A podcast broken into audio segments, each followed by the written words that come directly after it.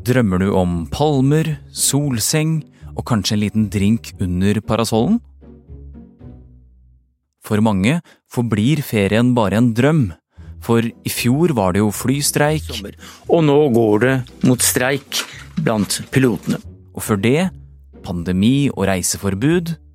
Sist uke anbefalte vi norske innbyggere å unngå alle unødvendige reiser til utlandet.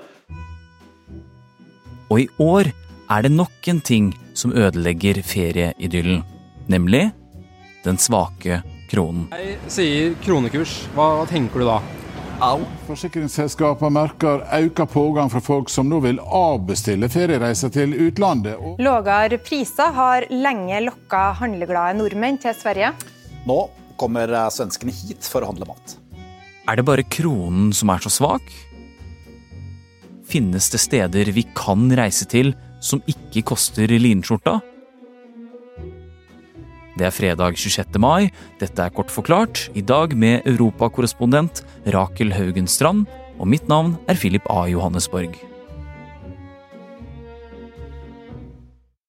Her om dagen så var jeg i Århus i Danmark og kjøpte meg en kaffe på flyplassen, eh, som det sto kosta 46 kroner.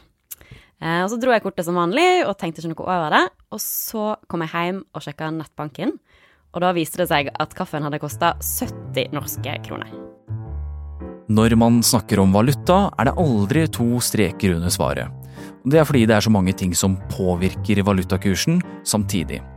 Det er ikke godt å si hvorfor den norske kronen er så svak, men det finnes noen teorier. Og akkurat det har vi laget en episode om tidligere, som du kan høre i feeden din. Men for det første så har du krig, pandemi og finanskriser, som har påvirket verdensøkonomien de siste årene. For det andre, den norske kronen er en liten valuta, noe som gjør at det kan være risikofylt å investere i den. Og for det tredje så har du oljeprisen. Når den blir lavere, er det færre utenlandske investorer som vil kjøpe norsk valuta. Den norske kronen blir da mindre attraktiv, og verdien går ned. Summen av dette betyr at hvis du reiser til England for å kjøpe en Harry Kane-drakt, eller drar til Kjøben for å vintage-shoppe og drikke billig øl, så tømmer kontoen din seg raskere enn du kanskje hadde forventet. Men Rakel, danskene har jo også krone, altså en liten valuta. Hvorfor er det så stor forskjell mellom den danske, norske og den svenske kronen, egentlig? Danskene de har bundet kroner til euroen. og de er jo medlemmer av EU. Det betyr at den danske sentralbanken sørger for at eh, den danske kronekursen hele tida følger euroen. Og svenskene har jo òg krone, eh, men den svenske krona styrker seg mot den norske, særlig fordi matvareprisene i Sverige har økt sjukt masse det siste året, enda mer enn i Norge. Og så har jo Norge mer oljepenger enn begge nabolandene våre, men oljeprisen påvirker òg kronekursen, og akkurat nå så er den ganske lav. Rakel, du er jo europakorrespondent for oss her i Aftenposten, og du får lønna di i norske kroner. Og så reiser du mye rundt da som korrespondent. Eh, hvordan merker du at den norske kronen er svak? Så jeg får lønna mi i norske kroner, samtidig som jeg betaler husleie her i Brussel i euro. Jeg merker også godt at restaurantbesøkene har blitt mye dyrere siden jeg flytta hit i august. Eh, da jeg kom ned, så spiste jeg gjerne ute ja, kanskje fem-seks ganger i uka, sånn som mange på kontinentet gjør. Men nå så har jeg prøvd å kutte det ned til én til to ganger i uka. Hva bør nordmenn gjøre i sommer, da? Bli hjemme. Nyt den norske naturen. Leie ei hytte, gå tur i fjellet, ta deg en telttur. Det er stort sett veldig dyrt i ganske mange land i Europa nå, eh, men så har du jo noen land som ikke har forhandlet seg så masse i forhold til den norske krona. For mens Norge har blitt et attraktivt og mye rimeligere feriested for amerikanere og europeere, så har vanlige feriefavoritter som Spania, Italia og Frankrike blitt ganske så dyre for oss. Men det er ikke alle land i Europa som bruker euro, og det kan vi dra nytte av. Altså land som har en egen valuta eh, og gjerne mindre økonomier, sånn som, som Norge. Um, og da kan man jo f.eks. se til Nord-Makedonia, som er et land med eh, prisnivå på en fjerdedel av Norge. Eh, de har ikke kystlinje, men de har en veldig flott eh, Årid sjø og fine fjell, så du kan gå på fotturer eller du kan bade der. Um, og der tror jeg òg det fins ganske billige billetter med Wizz Air og Norwegian, hvis man er heldig. Um, og så har du selvfølgelig Tyrkia og Albania, som kanskje er litt mer kjente Syden-reisemål eh, for nordmenn, eh, sammen med Bulgaria.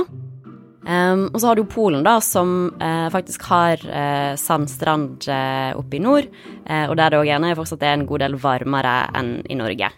Eh, I tillegg til at du får ganske masse mer for pengene. Eh, men du har jo òg enkelte land som har euro, men hvor det fortsatt er litt billigere å reise fordi det fortsatt er ganske billig å bo og spise der. Eh, og det vil f.eks. være Montenegro eller på Kypros.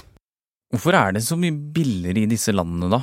Det er litt eller i hvert fall noen av de samme grunnene som hvorfor den norske krona er svak, i hvert fall akkurat nå. Um, fordi det er mindre valuta som det gjerne er mer usikkert eller mer risikabelt å investere i. Er det lurt å avbestille ferien som allerede er booket til et uh, av landene hvor det er nå ganske dyrt, eller hva tenker du? Uff, det er vanskelig å svare på. Eh, det kommer jo helt an på om du kan avbestille hotell og fly uten å måtte betale for, eh, for det du egentlig skulle, skulle lagt ut. men det er i alle fall lurt å regne på hvor faktisk Altså om du faktisk har råd til å reise, og til å spise og til å bo der du har tenkt deg.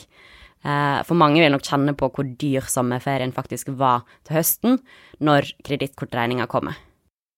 Rakel, er det noe som tyder på at den norske kronen vil styrke seg fremover, slik at eh, det faktisk går an å reise til utlandet også litt billigere da, for oss nordmenn? Det blir litt som å se inn i ei spåkule, um, men det er lite som tyder på at det blir bedre frem mot sommeren, i alle fall. Um, og så har du jo flere økonomer som er redde for at det kan faktisk bli enda verre. Uh, noen spår at euroen vil styrke seg mer, og at vi da snart må betale 13 kroner for en euro. Um, men enn så lenge så får vi bare vente og se.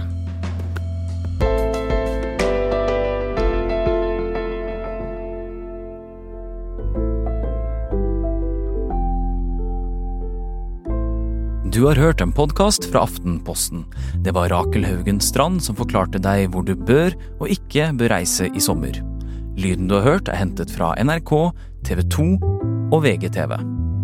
Denne episoden er laget av Jenny Føland, Olav Eggesvik, Synne Søhol og meg, Philip A. Johannesborg. Og det var hele Forklart. Nå tar jeg en liten ferie, og tro det eller ei, jeg blir hjemme.